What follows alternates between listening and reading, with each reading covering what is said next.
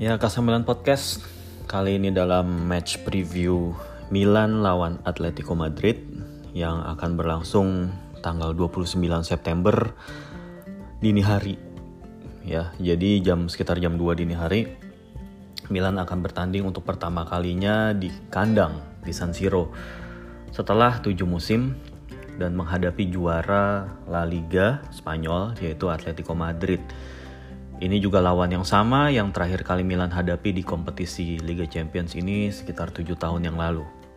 Ya.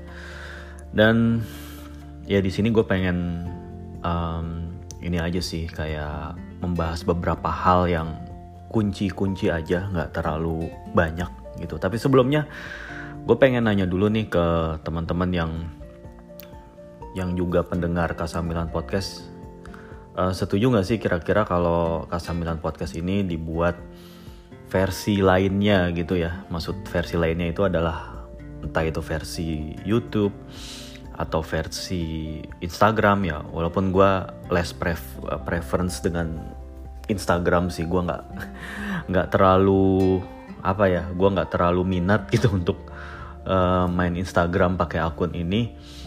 Tapi kalau YouTube uh, apakah teman-teman itu setuju? Dan kalau setuju formatnya mau seperti apa gitu ya. Bisa bisa share opini kalian. Boleh lewat email k9pod@gmail.com ataupun mention di Twitter atau DM terserah bebas mau mau bagaimana ya terima kasih kalau kalau emang udah ngasih input yang berharga gitu ya itu gue sempat kepikiran kepikiran aja sih kalau emang Kasamilan mau tetap jadi podcast begini aja juga it's okay juga buat gue gitu. Anyway balik lagi ke pembahasan ya di sini gue pengen bahas beberapa hal penting dalam pertandingan lawan Atletico ini. Yang pertama tentu saja buat kedua kesebelasan tentunya ini mengincar kemenangan gue rasa. Milan setelah kalah dari Liverpool ya terlebih ya walaupun kalah ya lawan Liverpool itu menunjukkan performa yang bagus, performa yang uh, agresif gitu ya, yang uh, pantang menyerah. Dan kemenangan lawan Atletico ini jadi kayak ini sih, kayak obat gitu ya, kayak obat buat para fans, buat tim juga gitu ya, bahwa mereka ini emang punya kemampuan gitu untuk bersaing di Liga Champions gitu ini seakan kayak mengonfirmasi lah bahwa mereka ini udah kembali. Sekaligus juga ya hmm, ini sih kayak menebus tiga poin yang hilang gitu. Atau setidaknya menebus poin yang hilang lah bukan tiga poin yang hilang. Ya kemenangan ini juga akan sangat mendongkrak kepercayaan diri karena setelah menghadapi Atletico ini akan menghadapi Atalanta di Bergamo ya di akhir pekan nanti.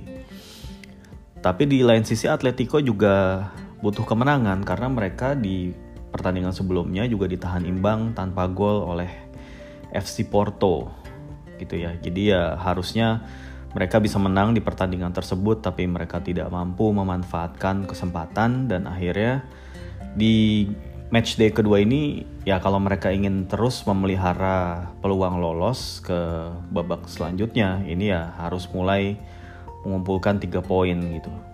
Nah ini artinya dengan motivasi yang sama besarnya dari kedua kesebelasan ini akan membuat hasil pertandingan ini sebetulnya lebih sulit diduga gitu karena kedua tim harusnya sama-sama punya rasa lapar untuk meraih kemenangan, meraih tiga poin gitu. Jadi Atletico ini gue rasa nggak akan bermain, nggak akan datang ke San Siro untuk mencari hasil imbang gitu ya. Jadi mereka ingin menang juga ya begitu juga Milan tentunya. Mereka ingin meraih kemenangan juga. Dan ini akan membuat pertandingan ini lebih seru. Gitu ya akan lebih seru lagi.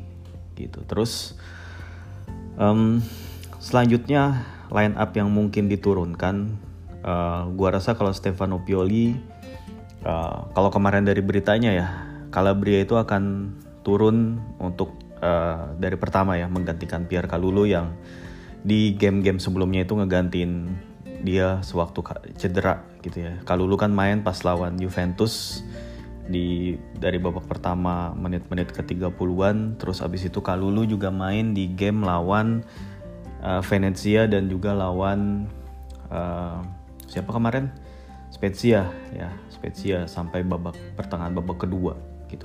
Nah jadi Calabria ini udah udah fit sebetulnya karena Calabria juga kemarin sempat dimainkan selama kurang lebih 30 menit lah pas lawan Spezia. Jadi Calabria expect untuk turun dari awal. Lalu kemudian center backnya itu Tomori dan juga Romagnoli. Simon Kayer mungkin belum terlalu fit ya kayak katanya sih Simon Kayer udah membaik kondisinya tapi kayaknya dia belum belum akan dipaksakan kalaupun uh, sekalipun misalnya si Simon Kayer ini udah pulih tapi gua rasa dia nggak akan diturunin dari menit pertama. Theo Hernandez juga itu akan main. Nah, buat Theo juga ini menjadi satu game yang istimewa karena dia juga mantan pemain Atletico dan dia ini uh, mengawali karirnya juga di Atletico Madrid ya. Jadi di sini ada yang unik juga mungkin gue udah pernah cerita juga sebelumnya gitu ya Theo Hernandez ini uh, dulu ya waktu jauh sebelum dia jadi pesepak bola gitu ya nggak usah pesepak bola terkenal. Jauh jauh dari sebelum dia jadi pesepak bola. Itu kan dia itu kan anak dari seorang mantan pemain bola. Uh, Prancis ya. Jean Hernandez gitu ya. Si Jean Hernandez ini kemudian kan uh, nikah sama ibunya Theo yaitu Pai Hernandez gitu ya. Tapi kemudian ya itulah konflik rumah tangga gitu ya. Si bapaknya Theo itu ninggalin dia akhirnya ibunya itu jadi single parent ngebesarin Theo dan abangnya Lucas Hernandez pindah ke pinggiran kota Madrid ya ke Vallecas kalau nggak salah tuh tempat bermarkasnya deket tempat bermas, bermarkasnya klub uh, Rayo Vallecano gitu ya. Nah terus Theo itu emang punya bakat bola. Ya satu-satunya yang ditinggalin bapaknya buat dia ini adalah bakat sepak bola. Dan Theo ini bakat bakatnya lebih dulu ditemukan daripada si Lucas si abangnya gitu. Dan akhirnya Theo um, ngejalanin trial di Atletico Madrid. Dia lulus gitu ya lulus uh, untuk jadi anggota tim juniornya Atletico. Dan ternyata si uh, ibunya itu kan nggak ya mereka kan hidup juga prihatin gitu ya. Hidup di apartemen yang ya nggak mewah di di daerah Vallecas itu kan ya mau nggak mau abangnya dibawa juga karena dia nggak punya babysitter nggak punya saudara yang bisa dititipin gitu. Akhirnya Lukas ikut juga ke tempat latihan Atletico dan pas lagi Lukasnya itu um, ikut nendang-nendang bola lah gitu ya sambil nunggu Theo. Ternyata staff pelatih Atletico juga ngelihat dia punya bakat juga dan akhirnya Lukas juga ikut dikontrak gitu ya ikut dikontrak bareng Theo di tim junior Atleti dan sebagaimana kita tahu Lukas itu justru pada akhirnya lebih dulu ya lebih dulu bersinar daripada Theo gitu Lukas lebih dulu menembus tim inti. Nah, Theo ini sebetulnya juga udah disiapin sama Diego Simeone gitu untuk uh, menjadi penerusnya pada saat itu kan Felipe Luis ya. Felipe Luis back kiri uh, Atletico asal Brasil waktu itu.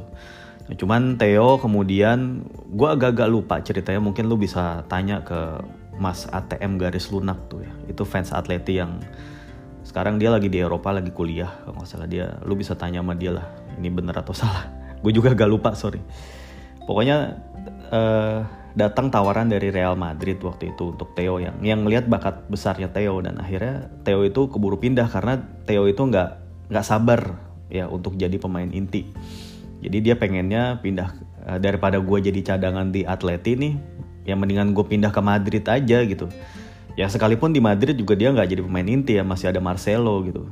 Mungkin dia pikir lebih baik jadi pemain cadangan di Real daripada di Atleti gitu ya. Tapi kan terus kemudian ya cerita berlanjut, Theo jadi pemain cadangan di Real sampai kemudian dia dipinjemin ke kedua klub ya, Real Sociedad dan Deportivo Alaves ya. Nah, pas lagi di Sociedad itulah Paolo Maldini dan juga Joffrey Moncada ngelihat potensi dia dan akhirnya Maldini nemuin dia di Ibiza, di pantai Ibiza dan oh, dia udah itulah kemudian petualangan Theo dimulai bersama Milan gitu. Nah, singkatnya seperti itu sih. Jadi buat Theo gua rasa ini ketemu Atleti juga jadi sebuah kayak sebuah momen ya, momen yang harusnya ditunggu-tunggu buat dia nih ketemu dengan Atleti, klub yang pertama kali uh, menemukan bakatnya dia gitu. Ya, anyway, setelah Theo itu nah Pioli juga sepertinya akan contemplate apakah untuk uh, dia akan masang si Tonali dan Kessie atau Tonali Benacer tapi bukan Kessie Benacer untuk saat ini karena Tonali formnya lagi bagus Kessie formnya lagi kurang bagus dan Ismail Benacer setiap kali dia diturunin di dari bangku cadangan ngegantiin either itu Kessie atau siapa pun itu dia selalu main bagus. Jadi banyak juga yang berpendapat bahwa seharusnya Tonali dan Benacer sekarang nih duet double pivot idealnya ya. Tapi kita lihat nanti Pioli akan nurunin siapa. Nah untuk di belakang striker Pioli ini akan masih juga contemplate di sisi kiri nurunin Leao atau Rebic duluan. Gitu ya. Kemarin waktu lawan Spezia Rebic dulu main babak pertama Leao babak kedua.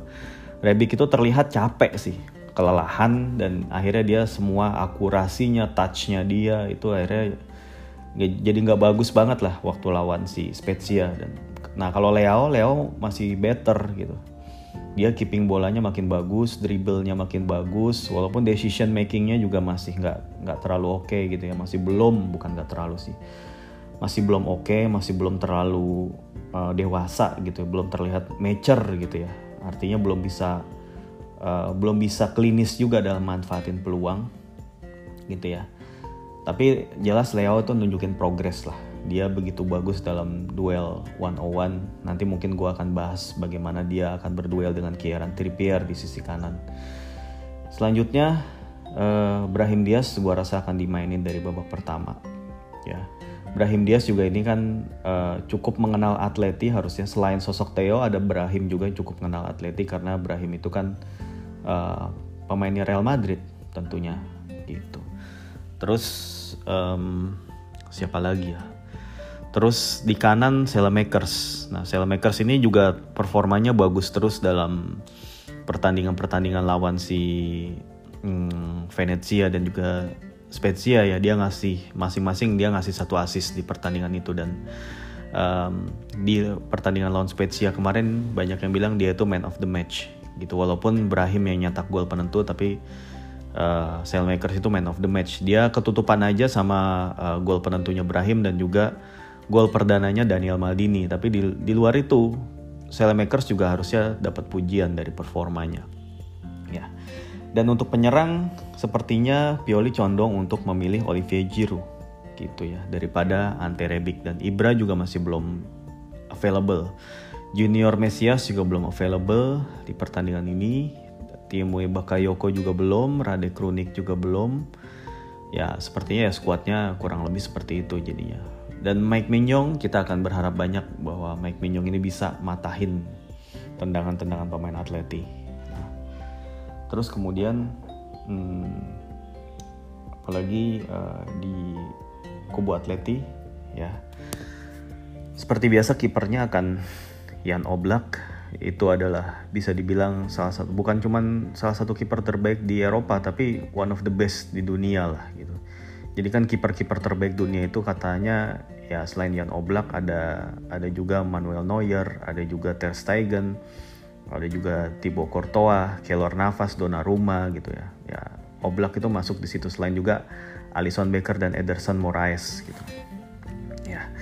Yang Oblak ini emang kiper yang komplit yang ya bisa lah nyelamatin uh, nyelamatin bola dari momen kayak gimana aja refleksnya terus apa namanya uh, jangkauannya terus kemampuannya nahan penalti ketenangannya dia kepemimpinan dia ini juga luar biasa yang Oblak ini. Ya itu kayaknya nerusin emang tradisi atleti dalam memproduce kiper-kiper bagus. Ya dari awal dari mulai eranya si siapa? Courtois. Sebelumnya Courtois siapa lagi ya? Kayak ada lagi deh kiper bagus Atleti dulu. Gua gua gak lupa ya.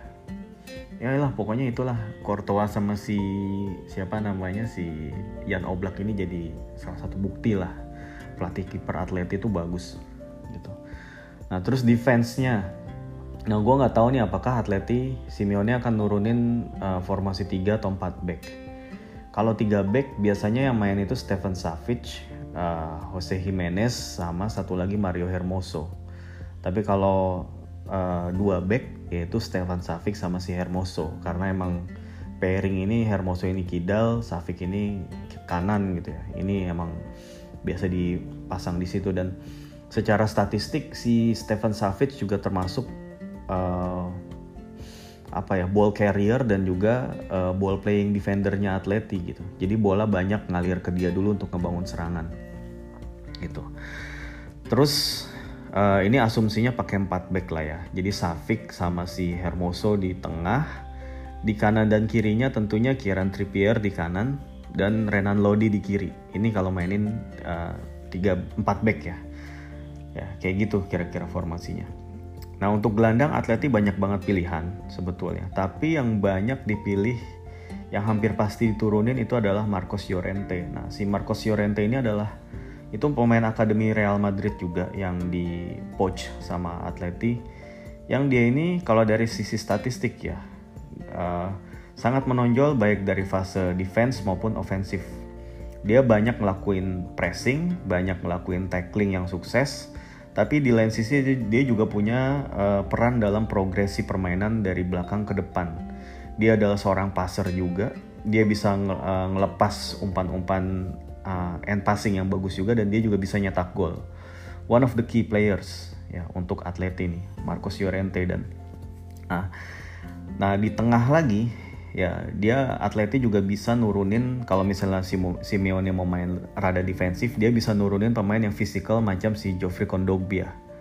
Ya tentunya nggak asing lah nama sama nama Geoffrey Kondogbia ya. Dia ya emang sih sempat uh, berbakat terus dia pindah ke Inter terus kemudian rada-rada tenggelam ya pindah ke Valencia terus dia malah memperkuat Afrika Tengah timnas negaranya bukannya Prancis gitu ya Uh, tapi anyway, dia kemudian didatangkan oleh Simeone dan uh, ini memperkuat uh, tim Atletico gitu.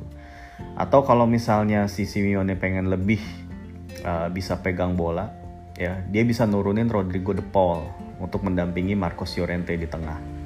Ya, Rodrigo De Paul ini punya seperti biasa seperti halnya yang sering dia perlihatkan ketika masih berbaju di Nese dia itu punya catatan progresif pas, umpan dan juga umpan-umpan ke wilayah sepertiga lapangan lawan dan juga wilayah kotak penalti itu yang terbanyak di tim.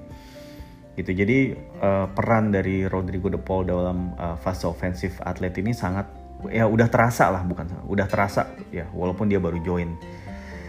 Gitu ya. Terus di sisi kanan si Simeone bisa juga nurunin Koke atau bahkan mungkin si De Paul bisa di kanan, Koke di tengah ya bisa aja lah.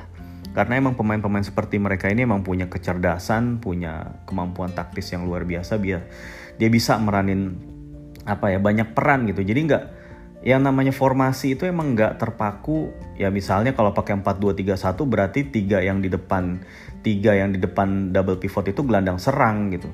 Nggak nggak kayak gitu. Nggak juga berarti pemain ini uh, pemain sayap. Kalau yang ada di uh, tiga pemain yang di depan double pivot ini pasti pemain sayap. Nggak juga. Karena uh, formasi itu cuman kayak catatan di atas kertas.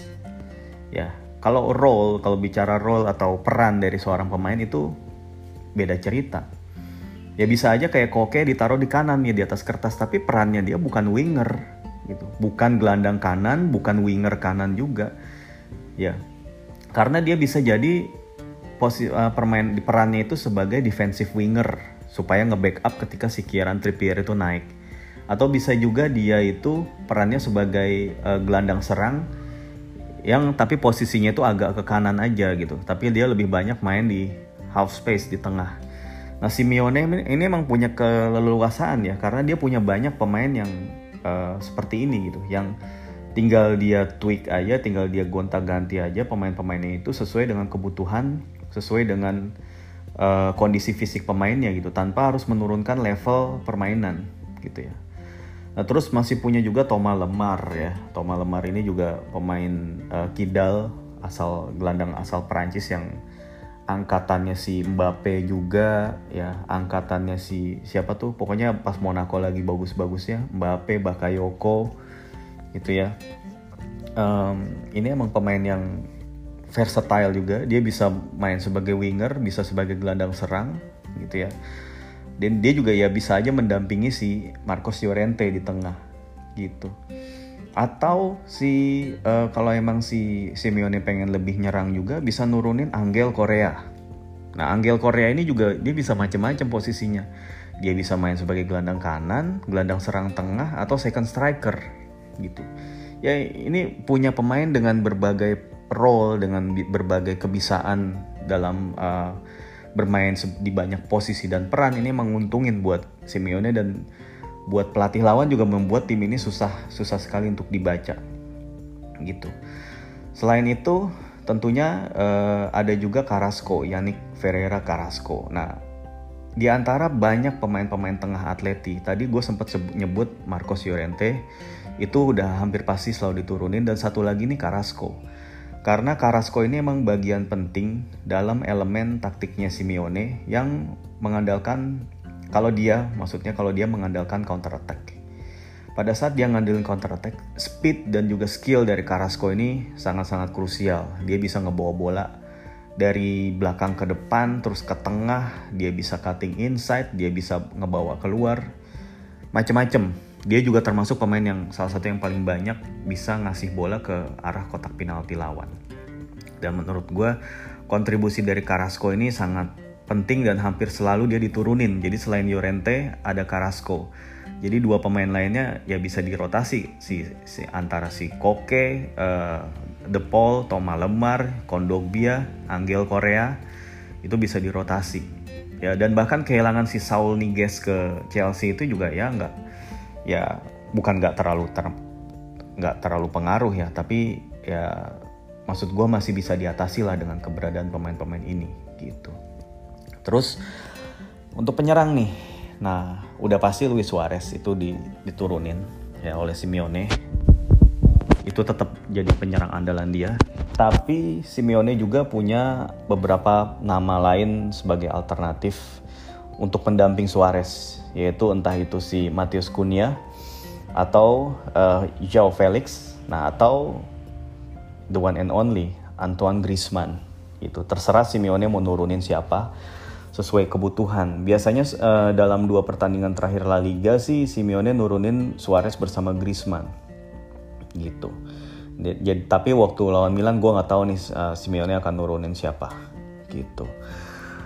Nah itu untuk dari sisi line up sama tadi profil sedikit lah profil tentang pemain. Nah ini untuk ulasan taktik ya. Kalau Pioli kita nggak nggak usah terlalu bahas uh, banyak-banyak karena udah sering kan ya bahas taktiknya Pioli. Nah, tapi kalau si uh, Simeone, nah ini dia ini sejak kedatangan Suarez musim lalu, dia ini uh, atlet ini nggak jadi tim yang ciri khasnya counter attack, cepat gitu, bertahan counter attack, bertahan counter attack. Keberadaan Suarez yang bagus dalam bola-bola bawah gitu ya dan punya skill yang komplit sebagai penyerang nomor 9 itu membuat Simeone juga beradaptasi dalam permainannya dan dia juga jadi nggak alergi atau nggak apa ya nggak nggak kikuk gitu ketika mainin position based football gitu ya. Jadi pemain-pemain atlet ini juga sekarang udah di apa ya udah punya kemampuan untuk main umpan-umpan pendek yang cepat. Untuk kemudian uh, ngasih ruang atau ngasih umpan terobosan kepada Suarez atau umpan-umpan silang kepada Suarez gitu. Biasanya kan atlet itu penyerangnya penyerang-penyerang yang uh, tipikal uh, yang poacher ataupun yang target man ya macam uh, Diego Costa waktu itu kan. Tapi sekarang si atlet itu udah punya pemain yang skillful yang tajam kayak Suarez gitu. Ini ngubah approachnya dan karena Suarez juga udah nggak muda lagi ya faktor speed faktor kecepatan itu emang dikasih ke pemain-pemain yang ada di sisi lapangan di sayap seperti si Carrasco di kiri ataupun Kieran Trippier atau Angel Korea di kanan.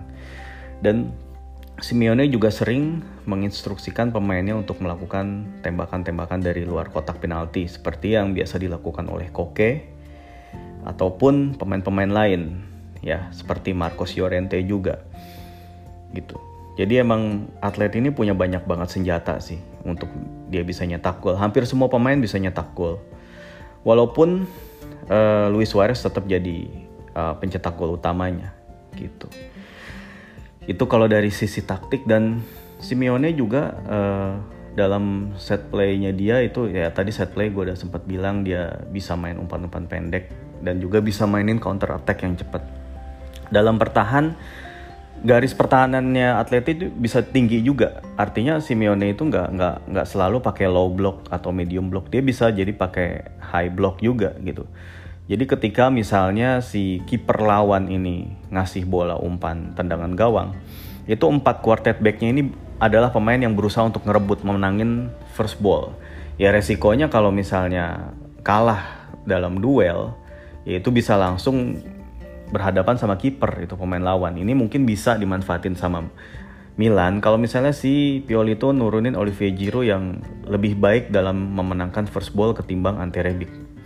Gitu. Jadi ketika Rebic eh si Giroud itu menangin first ball, bisa juga diharapkan pemain seperti Ibrahim bisa muncul dari ru ruang antar lini untuk mengeksploitasi lubang-lubang yang ditinggalkan oleh defense-nya Atleti.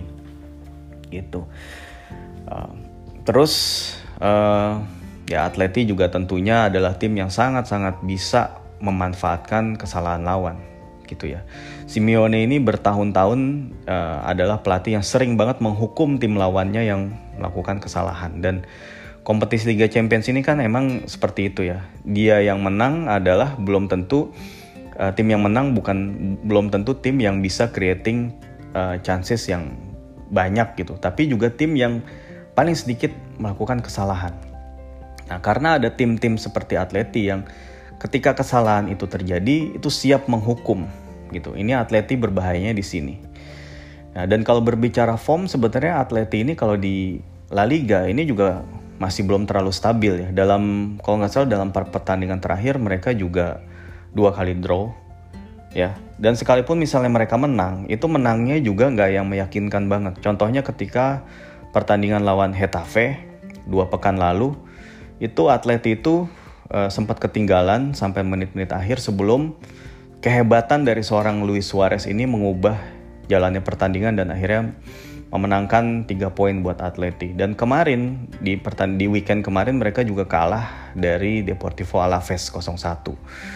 Nah ini juga bisa sebetulnya indikasi bahwa Atleti ini belum top performnya gitu belum mencapai top performnya mungkin juga alasannya karena ada faktor Antoine Griezmann yang baru join yang dia juga butuh untuk ya balik lagi lah untuk menyatu di sistemnya si Simeone yang ya dia mungkin harus berbagi peran dengan Suarez gitu ya di sini gitu. Walaupun ya mereka juga pernah satu tim harusnya uh, apa namanya adaptasi tidak terlalu sulit. Tapi kenyataannya memang uh, atletis sejauh ini rada sulit untuk mencetak gol.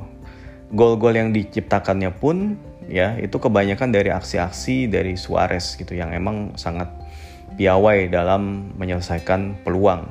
Peluang sekecil apa pun dia bisa selesaiin setengah peluang, satu apa peluang eh, bersih dia bisa manfaatin. Dia seorang striker yang world class masih world class ya walaupun usianya udah nggak muda lagi dan ini patut diwaspadai Milan, jadi nggak boleh lengah sedikit pun untuk mengawasi Luis Suarez. Karena itu dia ketika dia dapat peluang sekecil apa pun itu bisa jadi gol buat dia. Gitu sih. Kalau dari ini ya, uh, dari ulasan taktik sedikit. Nah kalau Milan sendiri sebetulnya yang perlu dibenahi juga uh, tentunya kemampuan untuk menyelesaikan peluang. Di review lawan Spezia kemarin udah gue bahas juga bahwa Milan harusnya bisa kill the game lebih cepet ya soal kreasi peluang Milan itu cukup banyak gitu ya cukup banyak mengkreasi peluang mendapatkan ruang tembak melepas tembakan-tembakan tapi akurasinya memang masih kurang. Jadi kayak dari belasan tembakan yang dilepaskan yang bisa on target itu paling cuma 5 3 gitu. Ya itu menurut gue itu yang harus diimprove. Dan juga dari sisi defense setelah di lima pertandingan awal defense Milan itu solid ya di Serie A. Nah di kemarin waktu lawan Spezia menurut gue beberapa kali defense Milan itu kecolongan ya. Salah satunya lewat bola-bola daerah yang dilepasin oleh si Maggiore terhadap si siapa namanya si Mbi dan Zola atau lewat kecepatan winger-winger dari Atleti eh dari si Spezia seperti Jasi dan juga Antis. Nah ini bisa juga bisa banget nih di ditiru oleh Atleti karena mereka emang punya pemain-pemain yang capable untuk itu dan punya kualitas yang jauh lebih baik dari Spezia gitu. Jadi sekalipun Atleti ini formnya lagi nggak oke okay, gitu karena pemain-pemain yang mereka miliki dan juga pengalaman mental bertanding gitu ya dan motivasi ekstra ini bisa jadi membuat mereka uh, bangkit di pertandingan ini dan ini yang harus dicegah gitu ya apalagi terusnya ya gua rasa sih itu aja sih yang perlu di apa di highlight dari pertandingan yang akan berlangsung nanti lawan Atletico Madrid yang jelas kalau Milan bisa menang ini akan menjadi tiga poin yang sangat berharga ini juga jadi bekal selanjutnya ketika Milan ketemu Porto. Wah kalau Milan bisa menang lawan Atleti, terus bisa menang lawan Porto, terus menang lagi di back to back schedule ketemu Porto menang lagi, berarti Milan bisa meraih 9 poin. Wah itu itu peluang untuk lolos jadi cukup besar gitu menurut gue. Jadi di sinilah Milan harus berupaya untuk bisa tampil uh, melebihi ekspektasi orang-orang, melebihi perkiraan orang-orang yang yang awalnya bilang wah Milan gak bisa berkutik nih di grup ini. Gitu. Karena ada tim yang sangat bagus tim yang berpengalaman. Nah kalau Milan bisa nunjukin performa yang lebih baik lagi gue rasa Milan akan bisa ngasih sesuatu lah di, di grup ini gitu. Gitu sih menurut gue ya apalagi ya? Gue rasa sih uh, itu aja ya. Dan tadi oh ya tadi gue juga sempat bilang soal pemain-pemain kunci The Paul, uh, Trippier, um, Marcos Llorente. Nah ini sih, jadi untuk bisa ngalahin Atletis selain matiin si Suarez itu juga para gelandang harus matiin si pergerakannya uh, Marcos Llorente gitu. Itu sih yang bisa jadi kunci gitu. Dan memanfaatkan lubang yang ditinggal oleh pemain-pemain seperti Kieran Trippier atau Yannick Carrasco. Ya. Kalau Carrasco-nya lagi main apa jadi lagi main wingback ya dia jadi formasi 352 nah itu sisi kanan tuh bisa dimanfaatin ya walaupun Mario Hermoso juga pasti udah berjaga-jaga di situ gitu. Tapi ya bisa lah dimanfaatin celah-celah seperti ini gitu oke uh, gua rasa ini aja untuk match preview Milan lawan Atletico Madrid Terima kasih udah dengerin. Mohon maaf kalau ada yang kurang berkenan dan sampai jumpa lagi dalam episode-episode mendatang. Ciao.